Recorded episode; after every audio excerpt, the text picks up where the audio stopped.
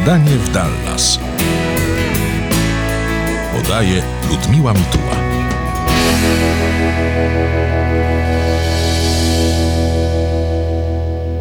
W śniadaniu w Dallas witamy Berlin. U mnie 40 stopni, a u ciebie ile? Witamy Annę Kręc z Berlina. Cześć, witaj. E, U mnie w Berlinie jest trochę chłodniej, właśnie patrzę na termometr, jest około 20 stopni i jest dziwna pogoda, bo albo wieje, albo jest za gorąco. Ale to w domu jest za gorąco, no bo jest dobrze zaizolowany. U mnie też gorąco i w domu, i na zewnątrz. Nie ma się gdzie schować. Podobno to pierwszy dzień, kiedy temperatura przekroczy trzycyfrowy wynik, bo tutaj Fahrenheita podają, więc ma, ma być powyżej stówy, to około 40 stopni Celsjusza. Życz mi szczęścia, żebym dzisiaj wytrzymała te nagrania i nie tylko. To naprawdę straszne, naprawdę. 40 stopni Celsjusza? Wow, nie. Widzisz, prawdziwy dziki zachód. No dobra, witamy Annę Kręc. To kobieta orkiestra, mama, znana artystka, architektka, redaktorka, działaczka, aktywistka, feministka i kto jeszcze? Chyba powiedziałaś wszystko. Myślę, że to jest wszystko. Można by jeszcze powiedzieć, że kiedyś miałam zespół muzyczny, ale to, e, to było może mniej interesujące. A co w nim robiłaś? Śpiewałaś, grałaś, tańczyłaś? Tak, grałam na różowej gitarze elektrycznej. Ona była różowa, Yamaha, bardzo stara gitara, nienastrojona, ale to nie miało znaczenia. Tak, także mieliśmy zespół przez kilka lat. Zespół nazywał się The Curators czyli kuratorsi, bo wtedy prowadziliśmy akurat w Berlinie galerię sztuki, no i stwierdziliśmy, że o, jak już jesteśmy kuratorami, właścicielami galerii, to można mieć i zespół pod taką nazwą. I rzeczywiście przez kilka lat graliśmy e, muzykę improwizowaną. Co to znaczy muzyka improwizowana? Bez przygotowania? Bez przygotowania, bez jakby y, nut albo czegoś, bez powtarzania, no bo żadne z nas w zespole, nas było troje, żadne z nas nie umiało grać na żadnym instrumencie.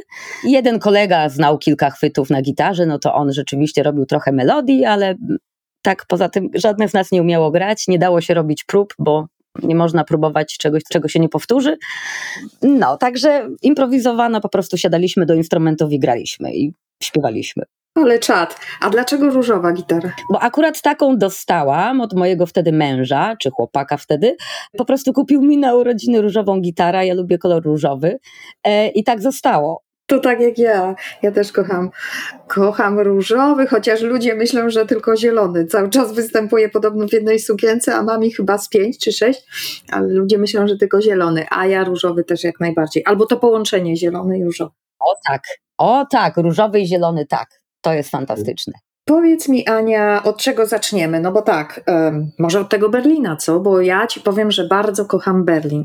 Według mnie Berlin to jedno z takich trendy miejsc na mapie Europy, y, gdzie można spotkać fajnych ludzi. Ja spotkałam Aleksandra Kwaśniewskiego 13 bodajże lat temu, 13 albo 14, bo jeszcze wtedy mojego syna nie było na świecie, na waszej tej głównej alei, jak ona się nazywa, Unten den Linden. Tak. W sklepie z pamiątkami. No i proszę, cyk, Aleksander Kwaśniewski. No, to jest miasto. Tak, tu rzeczywiście bywają różne głowy koronowane i niekoronowane. Przywija się masa ludzi, tysiące jak nie miliony. Jest to rzeczywiście świetne miasto. Mieszkam tutaj już dosyć długo, od 20 lat. Tylko, że też obserwowałam, jak to miasto się zmienia. I ono się rzeczywiście zmienia. Oczywiście można patrzeć sentymentalnie w przeszłość, że człowiek był młody i to wtedy wszystko się chciało, można było wszystko zdobywać świat. Owszem, ale miasto się zmieniło, no bo no bo jednak kapitał, wielki kapitał i gentryfikacja zmienia charakter tego miasta. I tak jak kiedyś jeszcze nasz stary burmistrz Wowereit powiedział, że Berlin jest miastem biednym, ale sexy, tak dzisiaj ja mówię, że Berlin jest miastem biednym, ale drogim. Drogim? Tak, oj tak, tak, tak, tak. I to rzeczywiście się zmieniło. Rosną no, wysokościowce i, i wieżowce jak grzyby po deszczu i powoli artyści, jak to bywa w procesach gentryfikacji, artyści, artystki, powoli muszą zmieniać dzielnice, wynosić się ze swoich miejsc, ze swoich atelier i się przenosić na jakieś, nie wiem, wygwizdowo. Bo ich nie stać, tak? Tak, bo ich nie stać, bo, bo się miasto zmienia. Owszem, jeszcze dużo, dużo sztuki zostało, rzeczywiście, ale jest ewidentnie inaczej. E, owszem, nadal jest fantastycznie, nadal jest kolorowo i multikulturalnie i można żyć w spokoju, mniej więcej bez stresu. To jeszcze jest ale gdzieś nad nami wszystkimi, szczególnie osobami twórczymi, wisi jakieś piętno, czy taka ciemna chmura, nie powiem, że zagrożenia, tylko... Historii? Nie, historii to swoją drogą, to swoją drogą, ale chyba część z nas być może musi się zmagać z nową codziennością, która jest bardziej kapitalistyczna już. Mniej chodzi o sztukę jako taką. No, część z artystów, załóżmy osób takich jak ja, którzy przyjechali tu już dawno, część z nas dorosła i poszła dalej, jakby to powiedzieć, a część chciałaby żyć pewnym stylem życia artystycznym i jest coraz trudniej. Mhm, no rozumiem, wiem o co, o co chodzi. Ale wracając do słowa sexy, bo to było moje pytanie, nie byłam pewna, czy zadać tak od razu. W każdym razie masz sexy głos. O, dziękuję. Coś z tym głosem robisz? Moim zdaniem to jakaś kariera radiowa na przykład by się, by się fajnie wplotła w to wszystko. Raczej nie. Y, tak, rzeczywiście mam niski głos. No, głosu głównie używam rzeczywiście na demonstracjach. Czasem nie potrzebujemy głośnika, jak zacznę mówić głośniej to też potrafię. Tak, ja rzeczywiście lubię niskie dźwięki, e, więc akurat pasuje dobrze, że mam niski głos. Mm, tak, on się przydaje na demonstracjach chyba najbardziej. No właśnie, masz takie zdjęcie, bo jesteś nominowana do nagrody Osobowość Polonijna Roku, chyba po raz drugi, i na zdjęciu krzyczysz. Znaczy nie, nie słyszę jak krzyczysz, ale to jest zdjęcie krzyczącej Anny Krenc. Dlaczego dałaś takie zdjęcie? Nie tylko dlatego, że nie mam wielu swoich zdjęć, to również, ale wydaje mi się, że to zdjęcie ono poniekąd odpowiada mojemu aktywistycznemu charakterowi, ale też jest to zdjęcie ilustrujące akcję performatywną, którą wymyśliłam w 2019 roku. Nazywa się Global Scream i to jest taka akcja, którą wykonujemy na demonstracjach, czyli przez minutę krzyczymy. I to rzeczywiście ten, ten rodzaj sztuki aktywistycznej czy artywizmu, ta akcja akurat w Niemczech się przyjęła wtedy i była dosyć ważna dla nas, e, bo wymyśliłam to na 8 marca w roku 2019, kiedy działałam dodatkowo w tak zwanym strajku kobiet niemieckim. To była nowa inicjatywa wtedy, się zawiązała dokładnie po to, żeby wymyślić coś na 8 marca, bo w Berlinie akurat zawsze na 8 marca są dwa duże marsze organizowane przez dwie różne grupy i te grupy się totalnie nie dogadują, nie mogą ze sobą maszerować, bo mają zupełnie inne priorytety, chociaż oczywiście chodzi o to samo, walkę z patriarchatem, la la la, ale już w detalach się bardzo różnią. Jedna grupa, czy marsz, to y, było Frauenkampftag i to jest najczęściej partie polityczne, Niemki, osoby białe, a druga grupa to jest Alliance of Internationalist Feminists i to jest grupa migrantek, tylko kobiety, bez mężczyzn i tak dalej. A ty w której grupie byłaś? No widzisz, ja się identyfikuję z obiema. no to tak jak ja. No właśnie, i trzeba było zawsze wybierać, gdzie idziemy. Czy tu, czy tu. I to było dosyć męczące. Dlatego w roku 2017 razem z dziewuchami bardzo ciężko pracowałyśmy nad tym, żeby oba marsze połączyć, chociaż raz w roku i nam się to wtedy udało, w 2017. To była ciężka praca, chodzenie na spotkania jednej grupy i drugiej, przekonywania, wiecie, raz w roku pokażmy, że nawet ponad podziałami i naszymi priorytetami potrafimy jako kobiety mm, plus stanąć razem i pokazać światu, że pomimo wszystko jesteśmy jedną siłą. I to się w 2017 roku udało. Wtedy byliśmy tuż po czarnym proteście, więc miałyśmy dosyć dobre karty w Berlinie. A w roku 2019 też próbowałyśmy, ale to już nikt nie miał na to czasu i się okazało to raczej niemożliwe. Już tam prawie, prawie tak mówię, słuchajcie, znowu te dwa marsze, chodźcie w jednym miejscu, to będzie fantastycznie wyglądać, będzie moc. No ale jedne mówią nie, bo tam nas za mało, no okej. Okay. I nie wyszło, dlatego coś musiałam innego wymyślić. Znaczy nie musiałam, ale chciałam. I stąd ten scream, tak? Ten global scream. Dokładnie, bo pomyślałam, jak nas połączyć, jeśli nie fizycznie, bo się nie da, to jak nas chociażby symbolicznie połączyć na ten dzień, chociażby na minutę. No i na spotkaniu e, strajku kobiet niemieckiego mówię, słuchajcie, mam taki pomysł, to zróbmy w takim razie nie kolejną demonstrację trzecią, tylko połączmy się symbolicznie o tej samej godzinie 8 marca, gdziekolwiek jest ten marsz lub ten, krzyczmy przez minutę, bo każda z nas ma własne powody, czy osobiste, czy grupowe, dla których mogłaby krzyczeć. Krzyczeć może każda osoba, no bo to nie musimy mówić tym samym językiem. A minuta rzeczywiście, przyznaję, to nie jest krótko. Dla ciała jest to długo, dla idei jest to akurat, ale ciało krzyczące przez minutę tyle się dostaje tlenu do mózgu, że człowiek potem czuje się jakby był naspidowany energią mocy wszechświata i ma się siłę i moc do dalszej walki, przysięgam. I rzeczywiście, ja prowadziłam Global Scream. Jedna moja koleżanka pojechała na, to drugą, na tę drugą demonstrację, ja na tej większej. I jak zobaczyłam, że 20 tysięcy osób na ulicach, na placu zaczyna krzyczeć, to po prostu ryczałam całą minutę. To było jedno z największych doświadczeń mojej aktywistycznej i artystycznej kariery przede wszystkim, bo widzę to jako akt artystyczny. I od tego czasu to robimy co roku. Koleżanki w różnych krajach też to wykonują, Global Scream. A to jest o tyle ciekawe, że dla Berlina to był dosyć ważny moment. Dla Berlina. W Niemczech oczywiście też w innych miastach dziewczyny krzyczały, ale dla Berlina to było o tyle ważne, że jako polskie migrantki wreszcie udało nam się zaproponować coś na całe Niemcy, to jest raz, to jest rzeczywiście duże wyzwanie i wydarzenie, bo już nie byłyśmy tymi biednymi siostrami ze wschodu, które proszą o solidarność, tylko jesteśmy tymi, które wymyślają w Niemczech akcje i ci ludzie to potem robią. E, wykonują i się dobrze z tym czują. Super, super. Ale zanim przejdziemy do Twojego aktywizmu, mojego też trochę, bo, bo, bo to nas łączy na pewno, to chciałabym jeszcze chwilę pogadać e, o Berlinie i o Twojej niemieckiej historii. Jak to się stało, że znalazłaś się w tym Berlinie? Wybrałaś sobie Berlin, czy to Berlin Ciebie wybrał? Przypadek. W ogóle nie planowałam mieszkania w Berlinie, to jest niesamowite. Bo przecież ty studiowałaś w Londynie, prawda? Jeśli już, jeśli już mówimy o jakimś innym kraju. Tak, i właściwie chciałam wrócić do Londynu, tylko że to było jeszcze przed wejściem Polski do Unii. I te procedury były dosyć trudne. Jeździło się autobusem do Londynu, nie samolotem. 20 godzin autobusem. Było mi trudno, bo to trzeba było mieć wizy, na granicy trzeba było pokazywać, ile się ma pieniędzy. Stare czasy. No i rzeczywiście po roku studiów tam, gdzie zrobiłam e, tytuł Masters w architekturze ekologicznej, i chciałam tam wracać. Jeszcze ukończyłam studia w Polsce, architekturę też. No i wybrałam się raz na wycieczkę po Europie. I no, w ostatnim przystanku na konferencji w Berlinie, zresztą to była duża architektoniczna konferencja, przypadkiem spotkałam młodego mężczyznę, który stał się moim chłopakiem, później mężem, a teraz już nie jesteśmy razem, ale się przyjaźnimy. W każdym razie to był przypadek. Poznaliśmy się, ja mówię, o kurczę, a ty kto? Kim jesteś? Zakochałam się. Niemiec czy Polak? Polak, pochodzący z Gdańska, ale on mieszkał w Berlinie już dłużej. E, wychował się w Berlinie od dziecka, więc jakby dla niego Berlin to jest pewnie drugi dom albo pierwszy. No i się poznaliśmy i przyjechałam potem w Sylwestra z plecakiem. Mówię, no to jestem. I tak zostałam. Ile lat? 20 już jest? 20, 20.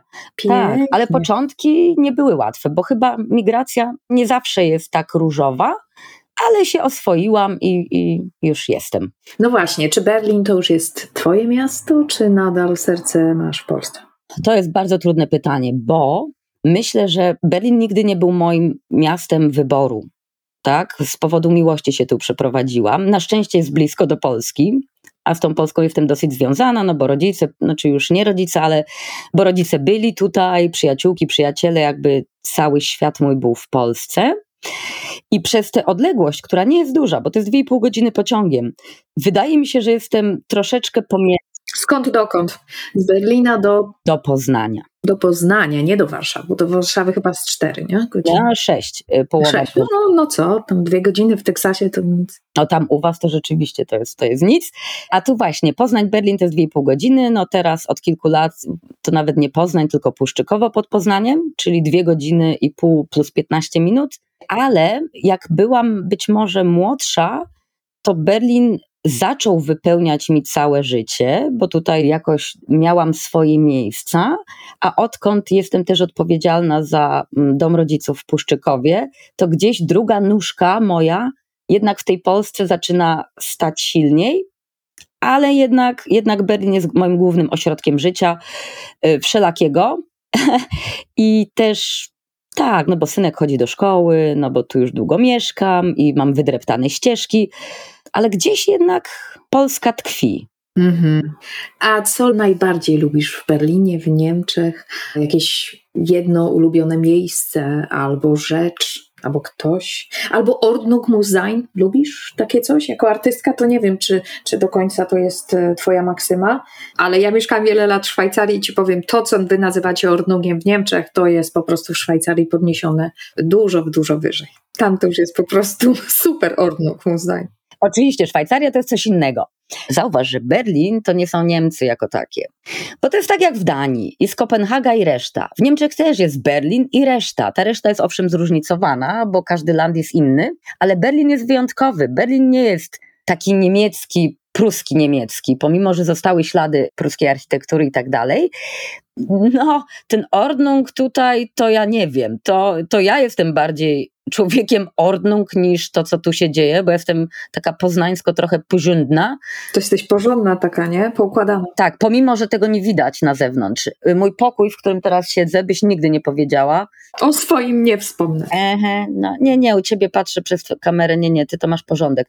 U mnie jest trochę inaczej. Na zewnątrz jest chaos, na głowie mam też chaos, fryzurę jeśli chodzi, ale w głowie mam tabelę Excela. Jestem konceptualistką. U mnie się musi wszystko zgadzać konceptualnie. Nawet jak wieszam pranie, idzie według pewnego schematu. W głowie mam taką tabelę albo diagram, a tego nie widać. Co ty masz? Psycholog to by to ocenił. Ja nie wiem, ja tak nie mam.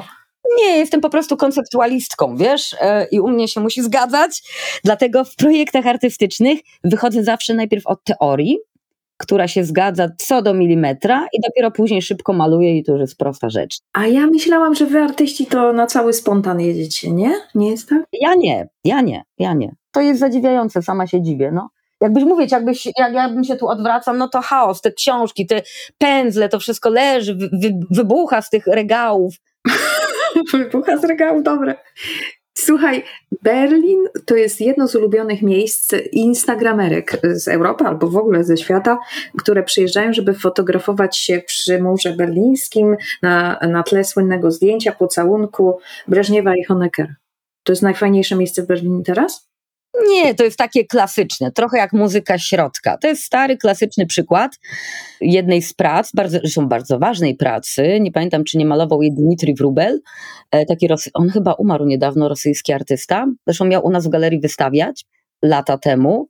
Owszem, to jest bardzo ważny fragment yy, pozostały muru berlińskiego, ale jakbyś poszła pięć metrów dalej od tego miejsca i spojrzała w górę, to byś zobaczyła, że części muru nie ma, bo go wychapali i postawili na tym miejscu nowy loft, wysoki, jak pięść do oka. Zresztą były protesty przeciwko tym, temu wieżowcowi. nie rozumiem, jak mogli pozwolić na wywalenie kawałka muru i postawienie tam loftu, ale to jest chyba symbol właśnie zmian, jakie są w mieście, że potrafią wywalić zabytek i postawić na to loft za miliony. Tak się właśnie Berlin zmienia. Myślę, że to dokładnie ilustruje zmiany w tym mieście. A jeśli instagramerki się fotografują przy, przy tym pocałunku, no to bardzo dobrze. Absolutnie. Jest. Jak pójdzie się w prawo czy w lewo, tam za rzeką już jest dzielnica Kreuzberg, gdzie jest też bardzo dużo symbolicznych miejsc. Nawet na Friedrichshain, gdzie mieszkam, czyli po tej samej stronie rzeki, też jest, no może te symboliczne miejsca znikają. Już nie jak grzyby po deszczu, ale znikają jedno po drugim, dlatego dobrze, niech się fotografują. No, oczywiście. Twoja praca to coś pomiędzy architekturą i sztuką, powiedziałaś. Łączysz jedno z drugim, tak? I jeszcze ten zrównoważony rozwój, ta ekologia gdzieś tam jeszcze wpływa, tak? Tak, e, rzeczywiście to jest dosyć ciekawe. Mam kilka dziedzin, w których pracuję i one czasem się łączą. Czasem udaje mi się je połączyć. I te dziedziny, no to jest właśnie sztuka, czyli rysunek, malarstwo, sztuka polityczna. Do tego mamy rzeczywiście architekturę, którą zajmuję się w teorii. Właśnie przed chwilą skończyłam pisać kolejny tekst do polskiego magazynu e, o architekturze, dosyć zresztą mocny mam nadzieję. A y, jeśli chodzi o energię i projektowanie zrównoważone, to od 20 lat pracuję dla duńskiego NGO Folke Center, to jest w Jutlandii. No i staram się te rzeczy łączyć, chociaż nie zawsze to wychodzi, ale przynajmniej u mnie w głowie mając te trzy dziedziny, mogę z nich swobodnie korzystać. Na przykład, jeśli piszę o architekturze, tak jak dzisiaj, e, to mogę też e, korzystać z wiedzy na temat energii odnawialnych tak? I zrównoważonego rozwoju. Bo nie, do, nie dość, że to studiowałam, to od 20 lat pracuję w tym zakresie. Jak robię sztukę, to często mogę się odwołać do mojej wiedzy architektonicznej i planować projekty artystyczne pod kątem architektury przestrzeni publicznych. To się też bardzo przydaje właśnie w aktywizmie o czym pogadamy później, ale staram się nie tylko te dziedziny łączyć, ale ich z nich korzystać. Co być może 20 lat temu było dziwne, i tak się zastanawiałam 20 lat temu, wow, co ja robię? Dlaczego mam tak szerokie zainteresowania? A dzisiaj wiem, że jest to normalne, bo wiele osób tak pracuje. I to jest dosyć ciekawe, także okej, okay, czasem męczy, bo mam, już zajmuję się rzeczami różnymi, czasem tematy skaczą mi, nie wiem, dzisiaj, tak jak dzisiaj, pisałam o architekturze dziś, a jutro zajmuję się projektem herstorycznym, jeszcze co innego, a w poniedziałek już jestem w Folket Center, gdzie świętuję, wiesz, 40-lecie naszego NGO. Nie no, za tobą na, nadążyć. Słuchaj, powiedziałaś jedno fajne zdanie mi wczoraj, jak sobie tak chwilkę pogadałyśmy przed rozmową, że aktywizm, że kochasz aktywizm, ale aktywizm potrafi zabrać wszystko, czas i pieniądze, ale nie można przestać tego robić. Czy tak rzeczywiście jest? Wiesz co, ja jestem osobą, która już od dzieciństwa miała poczucie misji. To się dziwnie objawiało w takich rysunkach dziecięcych, wierszykach dziecięcych, jak je teraz znajduję gdzieś w kartonie i czytam, mówię, Jezu, co ja tam pisałam? No to co pisałaś? No takie wiersze trochę z misją pouczające, yy, nie umiem ci teraz żadnego zacytować, ale gdzieś tam na końcu była jakaś moralna puenta dziecięca. Ale to się potem nie zmieniło. W liceum było podobnie, tylko ta puenta już była licealna. Potem na studiach pisałam manifesty. Jezus, jeszcze na studiach, co było dawno temu. Teraz jak znalazłam, wiesz, jakieś stare dokumenty swoje, bo robiłyśmy z przyjaciółkami stronę internetową naszej grupy architektonicznej z tamtych czasów i ze współczesnych. Znalazłam moje manifesty architektoniczne jeszcze ze studiów. Bo ja jako Wiesz, wtedy na Politechnice w roku 2000 czy przed, lata 90., to te dziady na Polibudzie, one nie kumały, że młode dziewczyny, studentki mogą robić filmy wideo, mogą robić sztukę, mogą jeździć po świecie na konferencjach. To się w tych omszałych łbach dziadów nie mieściło. A ja to robiłam. Bo czemu nie? No co, no właśnie. I te manifesty z tamtych lat też były związane z ekologią, z wpływem, nie wiem, kultury cyfrowej i komputerów na nasze życie. Także ja się tym zajmowałam już od zawsze. I będąc aktywistką, bo się wydarzyło w Polsce, że PiS przyszedł do władzy, nagle się okazało, że otwiera się kolejna płaszczyzna i kolejne możliwości znowu działania z misją jakąś, zmiany świata może nie świata, ale przynajmniej najbliższego otoczenia.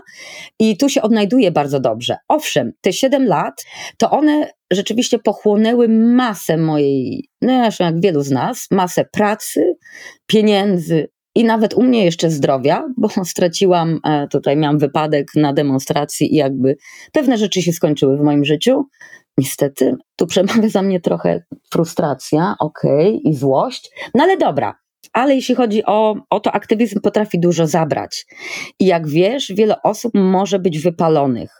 Wiele z nas się wypaliło po tych siedmiu latach i, mówi się, że trzeba o siebie dbać. Łatwiej to przychodzi młodszym osobom, które wyrastają już w kulturze opiekuńczości, empatii. Ja tego nie znam. Ja jestem chyba jeszcze z innego pokolenia, dla którego nie ma czegoś takiego jak, nie wiem, myśl o sobie, czy tam odpocznij. Ja też nie umiem odpoczywać, także wiem o czym mówisz. Męczy mnie tak odpoczynek, że po prostu jestem wykończona, jak mam wolny dzień. Tak, i to jest różnica pokoleniowa, chyba. Być może uogólniam, ale ja tego nie znam. No dobra, przejdźmy do tematu kobiet, bo to jest chyba temat dla ciebie bardzo ważny, prawda? I twoje dziewuchy Berlin, bo to ty założyłaś chyba tą grupę. Co to za grupa? Fajnie brzmi. Dlaczego nie dziewczyny, tylko dziewuchy?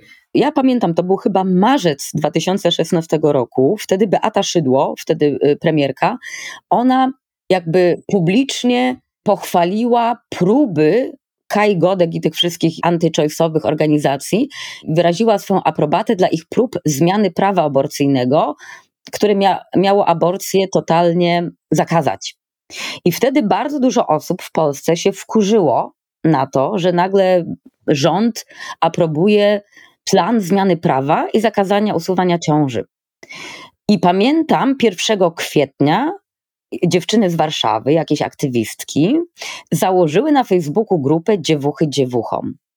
I akurat nie pytaj czemu, akurat siedziałam na Facebooku, no to dziwnym trafem trafiłam na tę grupę, zaraz się zapisałam, miałam chyba numer 90. bo zaraz drugiego dnia już było 100 tysięcy osób na tej grupie. I tam zaczęłyśmy wymyślać, co zrobić, jakie akcje zaplanować przeciwko próbom zmiany prawa. I grupa Dziewuchy Dziewuchom powstała 1 kwietnia 2016 i następnego dnia bardzo szybko wiele z nas pozakładało lokalne grupy dziewuch.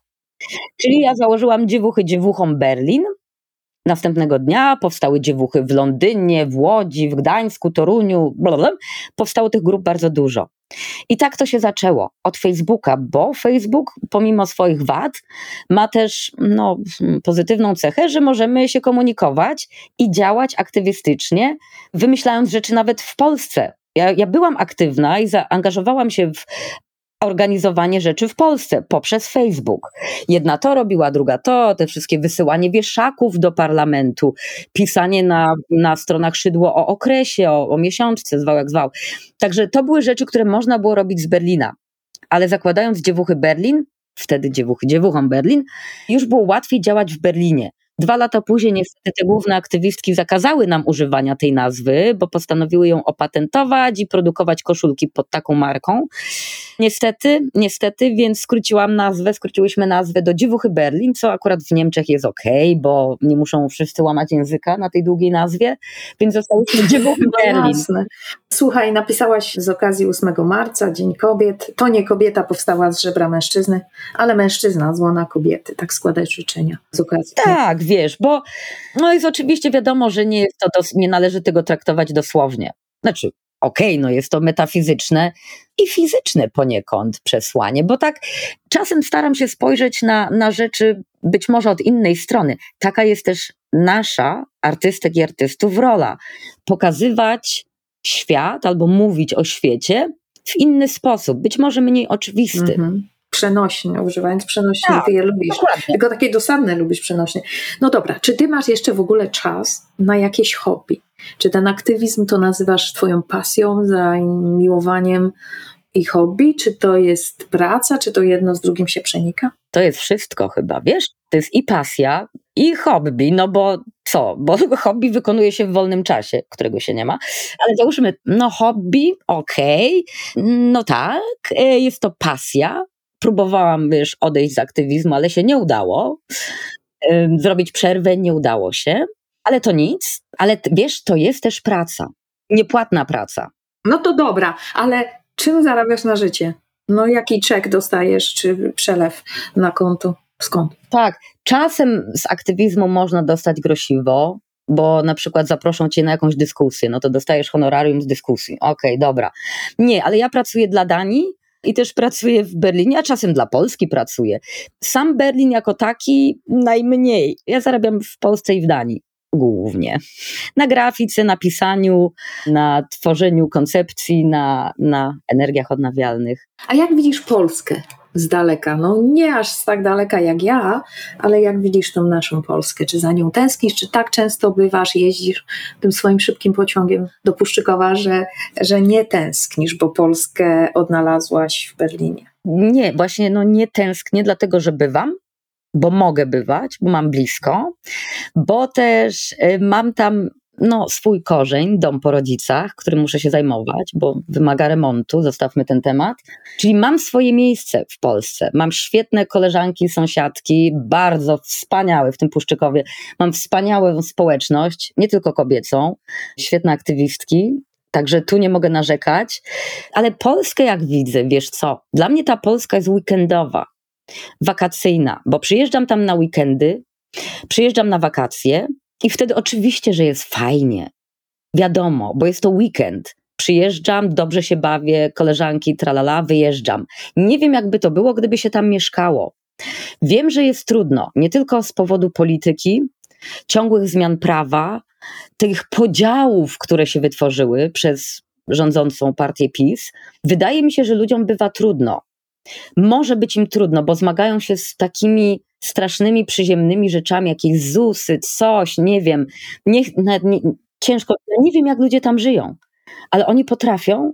W każdym razie ja jestem, mówię, dla mnie Polska jest weekendowa, wakacyjna. To jest coś innego. No, od święta. A powiedz mi, czego Ci życzyć na koniec naszej fascynującej rozmowy, no bo z tak fascynującą osobą, pozytywnie nakręconą, e, nie da się e, przeprowadzić rozmowy, która nie jest fascynująca. Czego Ci życzyć? Czego mi życzyć? Może zdrowia. Wiesz co? I życzyć mi chyba tego, żebym jednak umiała stawiać priorytety swoje własne w życiu. Zdrowia i priorytetów. Dziękuję Ci bardzo za naszą rozmowę. Naszym gościem była Anna Krenz z Berlina. Dziękuję.